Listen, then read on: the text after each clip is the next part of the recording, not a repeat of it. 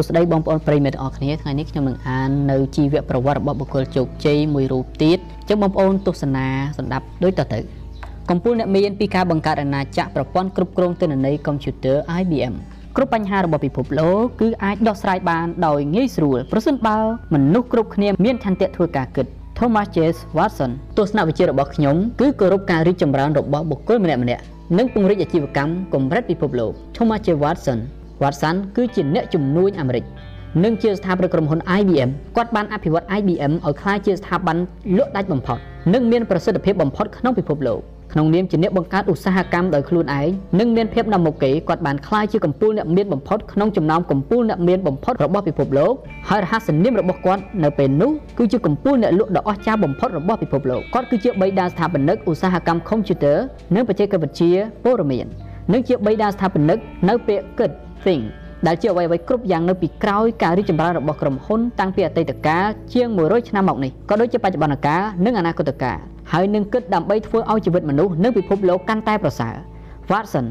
ឈ្មោះពេញ Thomas John Watson កើតនៅថ្ងៃទី17ខែកុម្ភៈឆ្នាំ1874នៅទីក្រុង Campbell នៃរដ្ឋ New York គាត់បានធំដឹងក្តីនៅក្នុងគ្រួសារតូចមួយឪពុករបស់គាត់ជាម្ចាស់អាជីវកម្មឈើ ដែលមានលុយគ្រប់គ្រាន់សម្រាប់គ្រប់គ្រងគ្រួសារហើយបានបង្រៀនកូនរបស់គាត់ឲ្យយល់ដឹងពីអត្ថន័យនិងការខិតខំធ្វើការងារជាប្រចាំថ្ងៃអ្វីដែល Watson ខ្វះខាតគឺទិសដៅប៉ុន្តែគាត់បានបង្កើតវាឲ្យคล้ายជាមហិច្ឆតាវិញបន្ទាប់ពីបញ្ចប់ការសិក្សាគាត់បានធ្វើការងារដំបូងជាគ្រូបង្រៀនប៉ុន្តែគ្រាន់តែបង្រៀនបានមួយថ្ងៃគាត់ក៏បានបោះបង់វាចោលភ្លាមនោះគាត់ត្រូវបានគេណែនាំឲ្យចូលរៀនគណនេយ្យនិងពាណិជ្ជកម្មនៅសាលា Miller School of Commerce នៅពេលដែលគាត់ចុះឈ្មោះចូលរៀនបានមួយឆ្នាំនៅមិនទាន់បញ្ចប់វគ្គសិក្សាផងគាត់ក៏បានដឹងថាគាត់រកឃើញនៅការងារដែលគាត់ប្រាថ្នាការងារទី2របស់ Watson គឺជាអ្នកកាន់បញ្ជាដែលគាត់អាចរកប្រាក់បាន6ដុល្លារក្នុងមួយសប្តាហ៍ជាលើកទី2គាត់បានដឹងថាវាជាការងារដែលគាត់មិនចាប់អារម្មណ៍និងគ្មានឆន្ទៈចង់ធ្វើវាទេហើយគាត់ក៏ឈប់វាភ្លាមដោយទៅធ្វើជាអ្នកលក់អីវ៉ាន់វិញ គាត់បានបង្កើតក្រុមការងារជាមួយនឹងអ្នកដើរលក់ម្នាក់ទៀតឈ្មោះ George Conwell គាត់បានក្លាយជាភ្នាក់ងារលក់ឧបករណ៍ភ្លេងនិង piano ឲ្យហាងលក់ឧបករណ៍នៅក្នុងតំបន់មួយបន្ទាប់ពីមិត្តគាត់ Conwell បានឈប់ពីការងារ Watson បានបន្តអាជីវកម្មនេះដោយខ្លួនឯងដោយគាត់អាចរកប្រាក់បាន10ដុល្លារក្នុងមួយសប្តាហ៍គាត់បានចំណាយពេល2ឆ្នាំក្នុងការប្រកបមុខរបរនេះរហូតដល់គាត់មានជំនាញជាអ្នកលក់ដ៏ពូកែ និងទទួលបានប្រាក់កម្រៃបន្ថែម70ដុល្លារក្នុងមួយសប្តាហ៍ទោះជាយ៉ាងណាក៏ដោយនៅពេលបានក្លាយជាអ្នកលក់ដ៏ស្ទាត់ជំនាញ Watson បែរជាមិនពេញចិត្តចំពោះលទ្ធផលនៃការងារជាអ្នកលក់ដើរអីវ៉ាន់ទៅវិញគាត់ក៏បានសម្រេចចិត្តផ្លាស់ប្ដូរការងារទៅទីក្រុង Buffalo នៅទីនោះគាត់បានចាប់ផ្ដើមជាអ្នកលក់ម៉ាស៊ីនដេរតាមផ្ទះឲ្យក្រុមហ៊ុន Wheeler and Wilcox បន្ទាប់មកគាត់បានរៀបចំពិធីជប់លៀងអបអរនៅភាពជោគជ័យនៅក្នុងបារមួយហើយសម្ភារៈរបស់គាត់ទាំងអស់ដូចជាសេះប្រទេសសេះនិងផលិតផលផ្សេងៗត្រូវបានគេលួច ពេលនោះ Watson ត្រូវបានគេបណ្ដេញចេញពីការងារជាថ្មីម្ដងទៀត Watson បានជួបអ្នកដើរលក់តាមផ្លូវម្នាក់ទៀតឈ្មោះ CB Baron ពួកគេទាំងពីរបានក្លាយជាអ្នកលក់ដ៏ជោគជ័យឲ្យក្រុមហ៊ុន Buffalo Building and Loan Watson បានប្រើប្រាស់ប្រាក់ចំណេញនៃភាគហ៊ុនរបស់គាត់ទៅបើកហាងលក់សាច់មួយតែជាអកុសលថ្ងៃមួយមិត្តរបស់គាត់ Baron បានយកលុយដែលពួកគាត់ទាំងពីររកបានទៅជាមួយទាំងអស់ហើយទុកឲ្យ Watson មិនត្រឹមតែអស់លុយប៉ុណ្ណោះទេថែមទាំងអស់ហាងលក់សាច់នោះផងដែរ មុនពេលគាត់បោះបង់ហាង Watson បានទៅទិញម៉ាស៊ីនគិតលុយពីក្រុមហ៊ុន National Cash Register NCR បន្ទាប់ពីបានទៅក្រុមហ៊ុនដើម្បីសងប្រាក់គាត់ក៏បានសម្រេចចិត្តទៅធ្វើការនៅទីនោះក្រោមការជួយណែនាំដោយផ្ទាល់ពីលោក John Patterson ប្រធានក្រុមហ៊ុន Watson បានក្លាយជាអ្នកលក់ដ៏ជោគជ័យបំផុតនៅភាគខាងកើតប្រទេសនិងរកប្រាក់បានជាង100ដុល្លារក្នុងមួយសប្តាហ៍ ជាមួយនឹងលទ្ធផលនេះក្នុងវ័យ25ឆ្នាំគាត់ត្រូវបានគេផ្ដល់តួនាទីជាភ្នាក់ងារ NCR ប្រចាំក្រុង Rochester និងអាចរកប្រាក់កម្រៃបន្ថែមបាន30%បន្ទាប់ពីគាត់បានបង្កើតភាពផ្ដាច់មុខសម្រាប់ក្រុមហ៊ុននៅក្នុងតំបន់ Watson ត្រូវបានគេផ្លាស់ប្ដូរមកការិយាល័យកណ្ដាលនៅក្រុង Dayton នៅរដ្ឋ Ohio សហរដ្ឋអាមេរិកដោយត្រូវបានគេប្រគល់ការងារជាអ្នកដួលគូប្រជែងអាជីវកម្ម Watson បានប្រើយុទ្ធវិធីនៃការលក់និងធ្វើឲ្យក្រុមហ៊ុនមានភាពផ្ដាច់មុខជាលទ្ធផល Watson និងប្រធានក្រុមហ៊ុនលោក Patterson ត្រូវបានគេផ្ដន្ទាទោសនៅឆ្នាំ1913ក្រោមច្បាប់ប្រឆាំងសេចក្តីទុកចិត្តថ្មី គេបានរកកំហុសរបស់ពួកគាត់និងបានផាកពិន័យជាទឹកប្រាក់ចំនួន5000ដុល្លារហើយផ្ដន្ទាទោសឲ្យចាប់គុកមួយឆ្នាំតែតុលាការឧទ្ធរសហរដ្ឋអាមេរិកបានបដិសេធនឹងការកាត់ទោសនោះនៅ2ឆ្នាំបន្ទាប់មកបន្ទាប់ពីរឿងនោះមក Watson ត្រូវបានបណ្ដេញចេញពីក្រុមហ៊ុនដោយលោក Patterson ដោយមានប្រពន្ធនិងកូនប្រុសក្នុងបន្ទុកគាត់ត្រូវតែស្វែងរកការងារធ្វើឲ្យបានលឿនបំផុត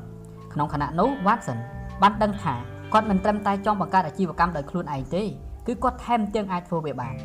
ជាលទ្ធផលគាត់បានបដិសេធការងារដែលគេបានផ្ដល់ឲ្យជាច្រើនដោយជំនួសមកវិញនៅការជ្រើសរើសធ្វើការបញ្ចុះបញ្ចូលអ្នកជំនាញហិរញ្ញវត្ថុគឺលោក Charles Flynn ដែលទៅតែបានច្របាច់ក្រុមហ៊ុន3បញ្ចូលគ្នាបង្កើតទៅជាក្រុមហ៊ុន Computing, Tabulating and Recording CTR លោក Flynn បានតែងតាំងគាត់ឲ្យធ្វើជាប្រធានក្រុមហ៊ុន CTR CTR គឺជាក្រុមហ៊ុនលក់ឧបករណ៍គ្រប់គ្រងព័ត៌មានអាជីវកម្ម ដែលរាប់បញ្ចូលទាំងម៉ាស៊ីនកត់ត្រាព័ត៌មាននិងម៉ាស៊ីនគ្រប់គ្រងពេលវេលាអស់រយៈពេលជាង1ទសវត្សរ៍ Watson បានជាយាមដាក់ខ្លួនមិនចេញមុខមាត់ឡើយនៅក្នុងក្រុមហ៊ុនរហូតដល់លោក George Fairchild ដែលជាប្រធានក្រុមប្រឹក្សាពិបាលស្លាប់ទើបគាត់សម្រេចចិត្តធ្វើការទទួលខុសត្រូវក្រុមហ៊ុនទាំងមូល CTR មានបុគ្គលិកច្រើនជាង4000នាក់ហើយចំនួនភាគច្រើននៃពួកគេគឺគ្មានសិលធម៌គ្មានការគ្រប់គ្រងនិងគ្មានផលិតភាព Watson បានសម្រេចចិត្តថាគាត់នឹងធ្វើឲ្យ CTR ក្លាយជាកន្លែងដ៏ល្អសម្រាប់ធ្វើការគាត់បានចាប់ផ្ដើមផ្ដល់អត្ថប្រយោជន៍និងវិធានការសន្តិសុខផ្សេងៗដល់បុគ្គលិកដោយរាប់បញ្ចូលទាំងការចំណាយសម្រាប់ការអប់រំនិងការចំណាយសម្រាប់បានជាសមាជិកក្លឹបផ្សេងៗរបស់ប្រទេសវ៉ាតសិនបានចាប់ផ្ដើមផ្ដោតការយកចិត្តទុកដាក់ច្រើនទៅលើក្រុមហ៊ុនដូចជា ការស្រាវជ្រាវការបំពេញតម្រូវការដោយស្វ័យប្រវត្តិនិងការលើកកម្ពស់កំណត់ត្រាព័ត៌មានរបស់ក្រុមហ៊ុននៅឆ្នាំ1925 Watson បានបដូរឈ្មោះក្រុមហ៊ុន CTR ទៅជាក្រុមហ៊ុន International Business Machines IBM ការកែប្រែក្រុមហ៊ុនរបស់គាត់បានធ្វើឲ្យមានការប្រែប្រួលនិងមានឥទ្ធិពលដ៏ខ្លាំងក្លា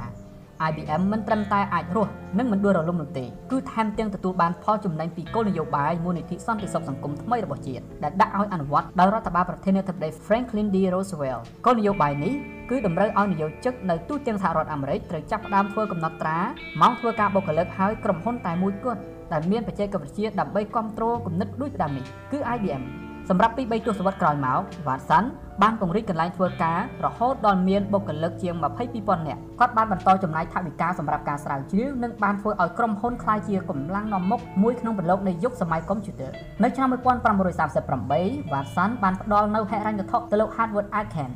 ដែលជាអ្នកវិទ្យាសាស្ត្រមកពីសាកលវិទ្យាល័យ Harvard ដែលមានបំណងចង់បង្កើតម៉ាស៊ីនគិតលេខ Digital Mark MAL នៅក្នុងអំឡុងពេលសង្គ្រាមលោកលើកទី2 IBM បានផ្ដល់ម៉ាស៊ីនកុំព្យូទ័ររាប់ពាន់គ្រឿងដើម្បីជួយដល់សហរដ្ឋអាមេរិកក្នុងការគ្រប់គ្រងភស្តុភារទាហានរបស់ខ្លួននៅក្នុងពេលនោះហើយដែល Watson បានអភិវឌ្ឍនៅគោលការណ៍ថា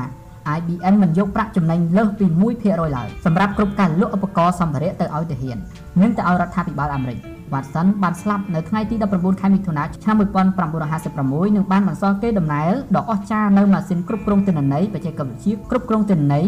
និងកុំព្យូទ័រសម្រាប់ពិភពលោកភាពជាអ្នកដឹកនាំសំខាន់សំខាន់របស់ Thomas J Watson ទី1បរាជ័យគឺជាមិត្តដែលនាំទៅរកភាពជោគជ័យ Watson បានគិតពីភាពជោគជ័យរបស់ខ្លួនក្នុងន័យដ៏សាមញ្ញបំផុតនៅពេលដែលគេសួរថាតើអ្វីជាអាចកំបាំងនូវភាពជោគជ័យនៅក្នុងជីវិតរបស់គាត់គាត់បានឆ្លើយតបទៅវិញថាវាពិតជាសាមញ្ញណាស់គឺពង្រីកអត្រានៃភាពបរាជ័យរបស់អ្នកទ្វេដងអ្នកតែងតែគិតថាបរាជ័យគឺជាសត្រូវនៃភាពជោគជ័យប៉ុន្តែវាមិនអញ្ចឹងតតែសោះ Watson ជឿថាបរាជ័យគឺមិនត្រឹមតែជាផ្នែកមួយដែលមិនអាចជៀសរួចនៅក្នុងសម័យកាលនៃភាពជោគជ័យប៉ុណ្ណោះទេគឺវាថែមទាំងជារឿងដ៏សំខាន់ចាំបាច់មួយសម្រាប់បោះជំហានជាវិជ្ជមានឆ្ពោះទៅសម្រេចតាមគោលដៅដែលយើងបានបង្កើតឡើងពីផងខ្ញុំបានព្យាករឃើញល្អជាច្រើនអំពីអនាគតអាជីវកម្មរបស់ខ្ញុំតែខ្ញុំតែងតែព្យាករខុសដោយសារតែខ្ញុំបានធ្វើការប៉ាន់ស្មានទាបពេកពីលទ្ធផលដែលអាចធ្វើទៅបានវ៉ាត់សាន់បាននិយាយថាថ្មីបើខ្ញុំដឹកនាំក្រុមហ៊ុនមួយក្នុងចំណោមក្រុមហ៊ុនដ៏មានឥទ្ធិពលក្នុងពិភពលោកនេះក៏ដោយតែខ្ញុំមិនមែនជាមនុស្សឥតខ្ចោះទេ ខ្ញុំបានបង្កើតឲ្យមានកំហុសច្រើនណាស់នៅពេលដែលខ្ញុំធ្វើការដឹកនាំក្រុមហ៊ុនប៉ុន្តែអ្វីដែលធ្វើឲ្យខ្ញុំខុសពីមិត្តភ័ក្តិរបស់ខ្ញុំគឺការបដិញ្ញាចិត្តងើបចេញពីភាពបរាជ័យកាលពីឆ្នាំទើបចាប់ដើមដំបូងដំបូង Watson បានតស៊ូធ្វើជាអ្នកលក់ឲ្យក្រុមហ៊ុន Hiller and Wilcox នៅក្រុង Buffalo នៅពេលដែលគាត់ទើបតែបដូរទៅកាន់ទីក្រុងថ្មីគាត់បានជួបការលំបាកច្រើនមិនត្រឹមតែព្យាយាមសម្របខ្លួនធ្វើការផ្លាស់ប្ដូរតាមបរិស្ថានថ្មីទេគឺថែមទាំងត្រូវធ្វើការដើរលក់ផលិតផលនៅតាមផ្ទះទៀតផងបន្ទាប់ពីឆ្លងកាត់ការលក់ដ៏លំបាក Watson បានរៀបចំពិធីជប់លៀងអបអរនៅភាពជោគជ័យនៅក្នុងបារមួយកន្លែងប៉ុន្តែនៅពេលគាត់កំពុងផឹកស៊ីសម្ភារៈរបស់គាត់ដូចជាសេះរទេះសេះនិងផលិតផលផ្សេងៗនៅខាងក្រៅបារត្រូវបានគេលួចអស់ភាពជោគជ័យរបស់គាត់ក៏ប្រែទៅជាភាពបរាជ័យទៅវិញនៅក្នុងក្រសែភ្នែករបស់ក្រុមហ៊ុនហើយគាត់ត្រូវបានគេបណ្ដេញចេញពីក្រុមហ៊ុនភ្លាមមួយរំពេចក្តីសង្ឃឹមប្រែក្លាយជាអស់សង្ឃឹមហើយ Watson បានចំណាយពេលជាង1ឆ្នាំដើម្បីរកការងារផ្សេងដែលមានស្ថិរភាពតើពិធីជប់លៀងស៊ីផឹកនោះជាកំហុសរបស់គាត់ឬ វាជាកំហុសរបស់គាត់តែវាមិនមែនជាអ្វីដែលធ្វើឲ្យគាត់សោកស្ដាយឡើយគាត់បានចាត់ទុកថាវាជាផ្លូវដែលនាំឲ្យគាត់ឈានទៅចាប់ផ្ដើមក្រុមហ៊ុនដោយខ្លួនឯងវ៉ាតសាន់មិនដែលសប្បាយរីករាយនឹងផ្លូវស្រួលស្រួលឡើយគាត់តែងសម្លឹងមើលខ្ពស់និងខិតខំធ្វើឲ្យអស់ពីលទ្ធភាពគាត់បានធ្វើឲ្យមានកំហុសធ្វើឲ្យមានការឈឺចាប់និងបានងើបចេញមកវិញគាត់និយាយថាវាជាការប្រសើរដែលយើងបង្កើតគោលដៅល្អឥតខ្ចោះហើយធ្វើមិនបានជាជាងយើងបង្កើតគោលដៅមិនល្អឥតខ្ចោះហើយធ្វើបាន វ៉ាតសាន់គឺមិនមែនជាមនុស្សដែលអនុញ្ញាតឲ្យភាពភ័យខ្លាចបរាជ័យមកក្នុងដំណើរនៃភាពជោគជ័យរបស់គាត់ឡើយសម្រាប់គាត់អ្វីដែលមិនអាចធ្វើបានគឺមិនត្រឹមតែអាចធ្វើបានតែវាជាអ្វីដែលមានតម្លៃឲ្យមានការព្យាយាមនិងវាជារឿងតែមួយគត់ដែលនាំឲ្យគាត់ខុសពីគេនិងមានភាពលេចធ្លោសម្រាប់ Watson កំហុសគឺគ្មានអ្វីដែលត្រូវខ្មាស់អៀនឡើយវាជាផ្នែកមួយដ៏ចាំបាច់ក្នុងដំណើរអាជីវកម្មទាំងបរាជ័យនិងជោគជ័យគឺជាអ្វីដែលត្រូវអបអរសាទរពីព្រោះ សញ្ញាទាំងពីរគឺជាសញ្ញាឲ្យមានកិច្ចខិតខំប្រឹងប្រែងដើម្បីជ័យជំនះនៅចុងបញ្ចប់គាត់និយាយថាមនុស្សដែលមិនមានមោទនភាពលើអ្វីដែលខ្លួនបានធ្វើគឺមិនធ្វើអ្វីដែលនាំឲ្យខ្លួនមានមោទនភាពឡើយដូច្នេះជំរឿនសម្រាប់ Watson គឺសាមញ្ញតើអ្នកបាក់ទឹកចិត្តដោយសារតែភាពបរាជ័យឬក៏អ្នករៀនពីភាពបរាជ័យគាត់និយាយថាត្រូវតែឆ្ពោះទៅមុខនិងធ្វើឲ្យមានកំហុសអ្នកត្រូវចាំថាអ្វីអ្វីទាំងអស់គឺអាចធ្វើបានពីព្រោះទីកន្លែងដែលអ្នកនឹងរកឃើញភាពជោគជ័យគឺនៅឆ្ងាយណាស់ទី2ធ្វើសកម្មភាពជាជាងនៅទំនេរ ការដេកស្លាប់និងការមិនធ្វើអ្វីសោះគឺជាជំរើសដ៏មានផាសុកភាពពីព្រោះវាគ្មានហានិភ័យអ្វីឡើយប៉ុន្តែវាជាផ្លូវដែលនាំឲ្យវិនាសនៅក្នុងការគ្រប់គ្រងអាជីវកម្ម Watson បានបង្កើតក្រុមហ៊ុនដ៏ធំបំផុតមួយនៅក្នុងចំណោមក្រុមហ៊ុនដ៏ធំបំផុតនិងមានឥទ្ធិពលបំផុតនៅពាសពេញប្រទេសហើយវាមិនមែនកើតឡើងដោយសារគាត់អង្គុយរងចាំឱកាសនោះទេតែគាត់មានសមត្ថភាពក្នុងការបង្កើតវាតែម្ដងគ្មានអ្វីមួយអមតៈទេអ្នកមិនអាចនៅមួយកន្លែងបានឡើយបើអ្នកមិនទៅមុខមានន័យថាអ្នកថយក្រោយ ការបដិញ្ញាចិត្តរបស់ Watson គឺឆ្ពោះទៅមុខជានិច្ចហើយគាត់បានបង្ហាញវាតាំងពីចាប់ដើមការងារដំបូងបំផុតមកម្លេះអ្វីបើគាត់បានបោះបង់ការងារជាគ្រូបង្រៀនត្រឹមតែថ្ងៃដំបូងតែគាត់បានដឹងថាមានរឿងអស្ចារ្យជាច្រើននៅពីមុខគាត់ Watson មិនចូលចិត្តការបង្រៀនប៉ុន្តែជំនួសឲ្យបោះបង់នឹងការរស់នៅក្នុងជីវិតគ្មានតម្លៃនិងអស្ថិរភាពគាត់បានសម្រេចចិត្តព្យាយាមធ្វើអ្វីផ្សេងទៀតនៅពេលដែលវ៉ាត់សាន់ចុះឈ្មោះចូលរៀនវគ្គពាណិជ្ជកម្មនៅ Miller School of Commerce គាត់មិនអាចសម្លឹងមើលមកក្រោយវិញឡើយ គាត់និយាយថាយើងមិនត្រូវពេញចិត្តលើអ្វីដែលយើងធ្វើបានទេមិនថាជារឿងបុគ្គលឬអាជីវកម្មបើយើងនិយាយថាយើងបានសម្រេចជោគជ័យហើយនោះការរីកចម្រើនរបស់យើងនឹងត្រូវបញ្ចប់តែម្ដងដោយសារតែកត្តានេះហើយទើបវ៉ាត់សាន់បានសុកចិត្តធ្វើអ្វីៗគ្រប់យ៉ាងដើម្បីក្រុមហ៊ុនរបស់គាត់ចាប់តាំងពីថ្ងៃដំបូងដំបូង IBM បានអភិវឌ្ឍកេរ្តិ៍ឈ្មោះឈានមុខគេនៅក្នុងយុគសម័យកុំព្យូទ័រហើយគាត់បានលះបង់ចំណាយដ៏សំខាន់នៃចំណូលរបស់ក្រុមហ៊ុនដើម្បីធ្វើការស្រាវជ្រាវនិងធានាឲ្យប្រកាសថា IBM នឹងកាន់តែរីកចម្រើនទៅមុខឥតឈប់ឈរនៅឆ្នាំ1947ក្រុមហ៊ុនបានចេញលក់ផលិតផលឈ្មោះ Hoppy ដែលជាម៉ាស៊ីនគិតលេខដំបូងប្រើដោយអេឡិចត្រូនិកវ៉ាតសានបាននិយាយថាគោលដៅរបស់យើងគឺធ្វើឲ្យកាន់តែល្អប្រសើរឡើងជារៀងរាល់ឆ្នាំហើយយើងតែងធ្វើវាបានយើងមិនត្រូវគិតថាអ្វីដែលយើងមានថ្ងៃនេះវានឹងជាទីពេញចិត្តសម្រាប់តម្រូវការ10ឆ្នាំក្រោយទៀតនោះទេគាត់ចង់ឲ្យក្រុមហ៊ុនរបស់គាត់ក្លាយជាក្រុមហ៊ុនឈានមុខគេនៅក្នុងពិភពអាជីវកម្មហើយគាត់តែងធ្វើឲ្យប្រកាសថា អ្វីអ្វីដែលកើតឡើងគឺដោយសារការអនុវត្តយ៉ាងសកម្មនិងពង្រីកគ្រប់ឱកាសតាមដែលអាចធ្វើទៅបាន Watson មិនដែលឈប់ស្វែងរកមធ្យោបាយដើម្បីធ្វើឲ្យប្រសើរឡើងនៅក្រុមហ៊ុនរបស់គាត់និងបន្តពង្រីកស្តង់ដារឧស្សាហកម្មថ្មីថ្មីបន្ថែមទៀតឡើយគាត់និយាយថាវិភាគពីអតីតកាលពិចារណាពីបច្ចុប្បន្ននិងមើលទៅអនាគតហើយនឹងធ្វើផែនការសម្រាប់អនាគតវាគឺជាចរិតលក្ខណៈរបស់ Watson ដែលគាត់តែងសម្លឹងទៅអនាគត និងធ្វើការដឹកនាំក្រុមហ៊ុនរបស់គាត់ឲ្យមានភាពរីកចម្រើនរុងរឿងមុននឹងគាត់ប្រគល់ទៅឲ្យកូនរបស់គាត់ឡើងបន្តនៅពេលកូនរបស់គាត់ Watson JR ឡើងមកកាន់ការងារបន្តពេលនោះក្រុមហ៊ុនបានកសាងកេរ្តិ៍ឈ្មោះយ៉ាងរឹងមាំនិងមានឈ្មោះថាជាក្រុមហ៊ុនបង្កើតថ្មីនិងនាំមុខគេក្នុងវិស័យឧស្សាហកម្មរួចទៅហើយទស្សនវិជ្ជារបស់ Watson គឺគោរពការរីកចម្រើនរបស់បុគ្គលម្នាក់និងពង្រីកអាជីវកម្មកម្រិតពិភពលោកត្រូវតាំងចិត្តធ្វើជានិមិត្តរូបអ្វីមួយឲ្យអស្ចារ្យ និងរកឲ្យឃើញអ្វីមួយលើសពីអាជីវកម្មរបស់អ្នកវ៉ាត់សាន់មានជំនឿលើសារៈសំខាន់នៃការខិតខំប្រឹងប្រែងរបស់បុគ្គលម្នាក់ម្នាក់សម្រាប់ជាបបផែធ្វើឲ្យប្រសើរឡើងសម្រាប់ខ្លួនឯងនិងសង្គមជាតិទាំងមូលទោះជាយ៉ាងណាក៏ដោយមិនថាស្ថិតនៅក្នុងស្ថានភាពណាទេវ៉ាសាន់គឺតែងតែពេញចិត្តនឹងការធ្វើសកម្មភាពជាជាងនៅទំនេរគាត់និយាយថាគ្មានរឿងល្អណាមួយដែលកើតឡើងដោយការមិនធ្វើសកម្មភាពនោះទេនៅពេលប្រឈមមុខនឹងបញ្ហា វ៉ាត់សាន់និយាយថាដោះស្រាយវាឲ្យលឿនទោះបីខុសឬត្រូវក៏ដោយប្រសិនបើអ្នកដោះស្រាយវាខុសវាក៏ត្រឡប់មកវិញវានឹងប្រាប់ពីបញ្ហាប្រឈមនោះហើយអ្នកនឹងអាចដោះស្រាយវាបានត្រូវវិញមិនខានទី3ដើរលើផ្លូវអសុវត្ថិភាពគ្រប់ពេលដែលយើងធ្វើដំណើរឆ្ពោះទៅមុខនៅក្នុង IBM គឺព្រោះតែមនុស្សមានឆន្ទៈហ៊ានប្រថុយតាំងចិត្តដោះស្រាយបញ្ហានិងព្យាយាមធ្វើអ្វីមួយថ្មី Watson បានដាក់ការជឿទុកចិត្តទៅលើឧស្សាហកម្មកុំព្យូទ័រមុននឹងមានអ្វីអ្វីកើតឡើងគាត់បានភ្នាល់នឹងពេលវេលារបស់គាត់កម្លាំងរបស់គាត់ និងថវិការបស់គាត់ដោយគាត់មានជំនឿថាអាជីវកម្មរបស់គាត់នឹងរីកចម្រើននៅក្នុងពេលវេលាណាមួយមិនខានគាត់បានវិនិយោគទៅលើឱកាសទាំងនោះហើយទីបំផុតគាត់ក៏ទទួលបានជោគជ័យគាត់និយាយថាចូលដើរលើផ្លូវអសុវត្ថិភាពចូលធ្វើជាអ្នកគិតឯករាជ្យនិងចូលពង្រីកគំនិតនៅក្នុងស្ថានភាពមិនល្អឬគ្រោះថ្នាក់ណាមួយកើតឡើងចូលនិយាយពីគំនិតអ្នកដោយគ្មានការភ័យខ្លាចនិងការជំទាស់ជាជាងការឯកភាពដែលមានការសោកស្ដាយជាមួយឆន្ទៈហ៊ានទទួលយកហានិភ័យគ្រប់បែបយ៉ាងនិងហ៊ានធ្វើអ្វីដែលមិនធ្លាប់ធ្វើ បានធ្វើឲ្យវ៉ាតសាន់មានការប្រឹងប្រែងយ៉ាងខ្លាំងនៅក្នុងជីវិតរបស់គាត់គាត់បានផ្សងព្រេងលើការងារដែលមានហានិភ័យជាច្រើនគាត់គឺជាមនុស្សហ៊ានប្រថុយហ៊ានប្រជែងនឹងជីវិតវ៉ាតសាន់និយាយថាចូលអភិវឌ្ឍគំនិតដួចផ្ដើមរបស់អ្នកនិងហ៊ានធ្វើអ្វីដែលអ្នកដទៃមិនទាន់បានធ្វើតាំងពីចាប់ផ្ដើមអាជីវកម្មគាត់ហ៊ានធ្វើនិងហ៊ានផ្ដល់ជាមួយម៉ាស៊ីនអេឡិចត្រូនិកនិង Digital ហើយគាត់តែងតែហ៊ានដើរលើផ្លូវថ្មីថ្មីជានិច្ចគាត់បញ្ជាក់ថាគ្មានយុទ្ធសាស្ត្រណាមួយដែលធានាឲ្យទទួលបានជោគជ័យឡើយ ប៉ុន្តែមានតែឆន្ទៈនិងការហ៊ានទទួលហានិភ័យទេទើបធានាឲ្យទទួលបានជោគជ័យធ្វើជាអ្នកបង្កើតថ្មីគឺមិនត្រូវឈប់ឡើយម្សិលមិញយើងបង្កើតថ្មីសម្រាប់ថ្ងៃនេះហើយថ្ងៃនេះយើងបង្កើតថ្មីសម្រាប់ថ្ងៃស្អែកពេញមួយជីវិតរបស់វ៉ាន់សាន់គាត់តែងតែលះបង់អ្វីអ្វីគ្រប់បែបយ៉ាងដើម្បីរកឲ្យឃើញនៅអ្វីដែលមិនដឹងទោះបីជាមានការពាក់ព័ន្ធទៅនឹងហានិភ័យច្រើនប៉ុណ្ណាក៏ដោយទោះបីជាយ៉ាងណាក៏ដោយគាត់បានបដិសេធមិនខ្មាស់អៀនចំពោះរឿងបរាជ័យ គាត់បន្តពេញចិត្តនឹងការប្រកួតប្រជែងឆ្ពោះទៅមុខគាត់បន្តរុងរឿងពីភាពជោគជ័យនិងគាត់បន្តរៀនសូត្រពីភាពបរាជ័យដោយសារតែអេរយាប័តបែបនេះវ៉ាតសាន់បានធ្វើឲ្យមានការចាប់អារម្មណ៍និងជឿជាក់ពីគ្រប់លំដាប់ថ្នាក់តាំងពីថ្នាក់គ្រប់គ្រងកម្ពុជារហូតដល់បុគ្គលិកថ្នាក់ក្រោមរបស់ក្រុមហ៊ុនគាត់និយាយថាមនុស្សច្រើនណាស់ដែលកំពុងរងចាំឲ្យនរណាម្នាក់ជួយជំរុញពួកគេហើយខ្ញុំបានព្យាយាមអភិវឌ្ឍខ្លួនឯងជាអ្នកចាប់ផ្ដើមមុនគេនៅក្នុងក្រុមហ៊ុនវ៉ាតសាន់ចង់ឲ្យមានមនុស្សនៅក្នុងក្រុមហ៊ុនរបស់គាត់មិនខ្លាចនឹងធ្វើអ្វីឲ្យហួសពីព្រំដែន ព្យាយាមធ្វើអ្វីដែលថ្មីនិងមានឆន្ទៈធ្វើដោយខ្លួនឯងដោយមិនរងចាំនរណាឡើយកត្តាដែលសំខាន់បំផុតសម្រាប់វ៉ាតសាន់ក្នុងការហ៊ានទទួលយកហានិភ័យគ្រប់បែបយ៉ាងគឺស្មោះត្រង់ចំពោះខ្លួនឯងធ្វើតាមការគិតរបស់ខ្លួននិងជឿលើសមត្ថភាពរបស់ខ្លួនក្នុងការធ្វើអ្វីមួយគាត់និយាយថាជោគជ័យរបស់អ្នកនឹងត្រូវបានកំណត់ដោយចរិតលក្ខណៈនៃការប្រើប្រាស់អ្វីដែលអ្នកមានដើម្បីធ្វើវានៅពេលដែលអ្នកអនុវត្តសិល្បៈនៃការលក់ចូលអ្នកប្រើប្រាស់ឲ្យអស់ទេពកោសលដែលអ្នកមាន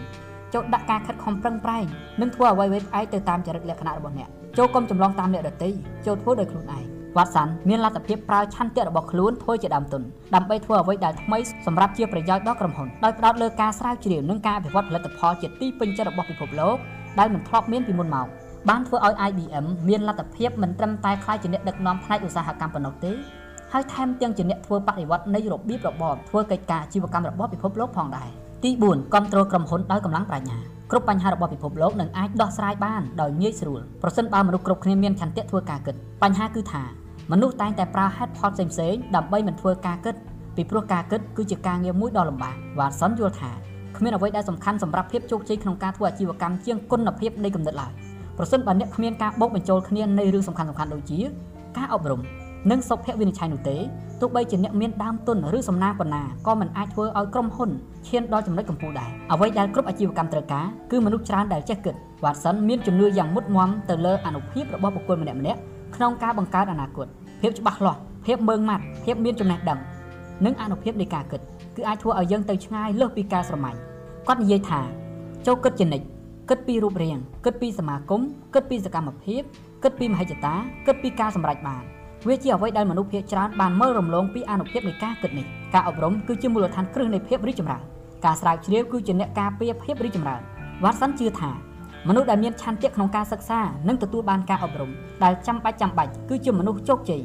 មិនត្រឹមតែនៅក្នុង IBM ប៉ុណ្ណោះទេគឺថែមទាំងនៅក្នុងអាជីវកម្មផ្សេងៗទៀតផងដែរវ៉ាត់សាន់និយាយថាកម្លាំងដែលបង្កើតភាពជោគជ័យគឺធនធានមនុស្ស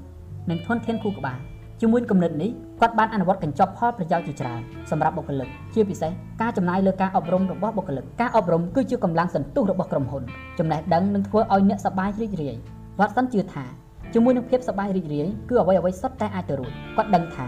ក្រុមហ៊ុននឹងទទួលបានជោគជ័យប្រសិនបើគាត់អាចជំរុញលើកទឹកចិត្តក្រុមការងាររបស់គាត់តាមរយៈការបង្រៀនពួកគេនិងជួបប្រជុំជាមួយនឹងពួកគេពាក់ព័ន្ធនឹងទស្សនវិស័យរួមបើគ្មានការចែករំលែកគោលដៅរួម និងការបដិញ្ញាចិត្តធ្វើអ្វីអ្វីដើម្បីការរីកចម្រើនទាំងអស់គ្នាទេ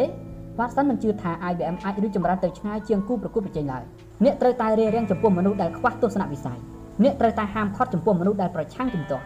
អ្នកត្រូវតែបង្កើតនិងចងភ្ជាប់ជាមួយនឹងមនុស្សដែលមានទស្សនវិស័យនិងមនុស្សដែលជឿថាអ្វីអ្វីនឹងមានភាពប្រសើរឡើង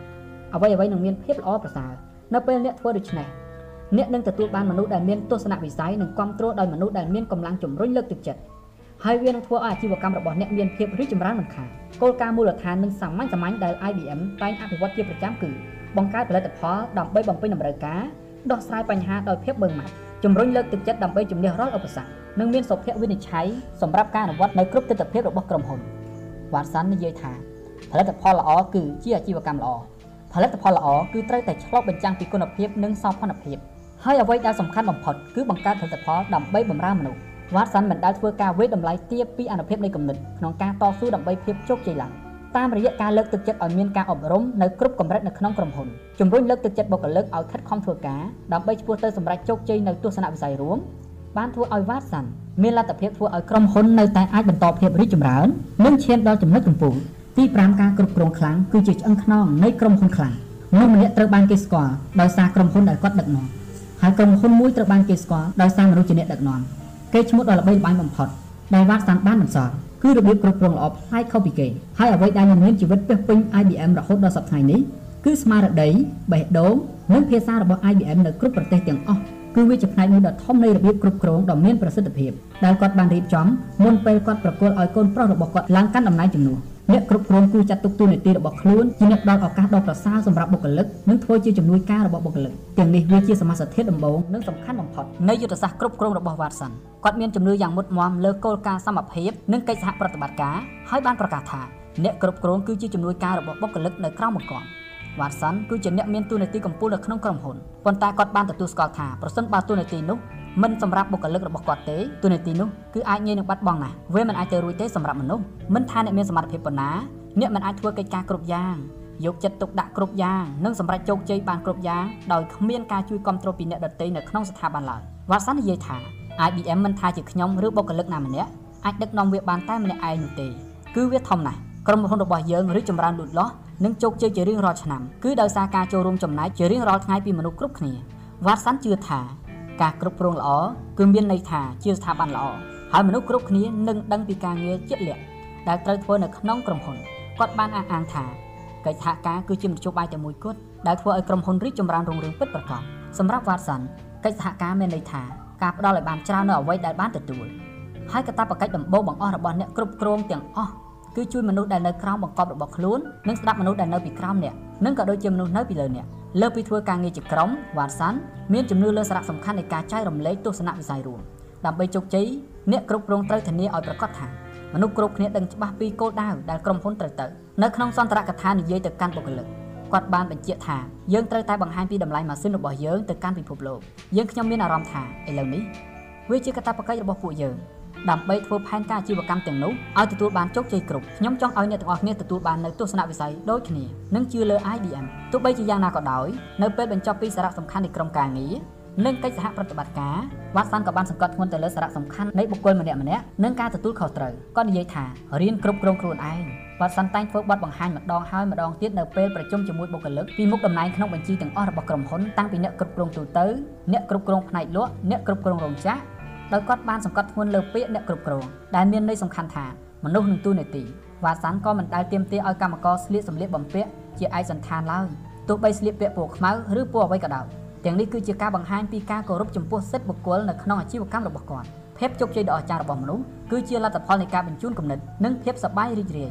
អ្វីដែលវ៉ាតសាន់ឲ្យតម្លៃសំខាន់គឺក្រុមការងារ កិច្ចសហប្រតិបត្តិការការទទួលខុសត្រូវការចែករំលែកនៅទស្សនវិស័យរួមនិងអត្ថន័យនៃភាពសប្បាយរីករាយទាំងនេះគឺជាអ្វីដែលធ្វើឲ្យគាត់ជោគជ័យអ្នកគ្រប់គ្រងគួរចាត់ទុកតួនាទីរបស់ខ្លួនគឺជាអ្នកផ្ដល់ឱកាសដ៏ប្រសើរសម្រាប់បុគ្គលិកនិងធ្វើជាជំនួយការរបស់បុគ្គលិក Thomas J Watson ជីវប្រវត្តិនិងភាពជាអ្នកដឹកនាំរបស់លោកមហាសេដ្ឋី Thomas J Watson ចប់តែប៉ុណ្ណេះសូមអរគុណ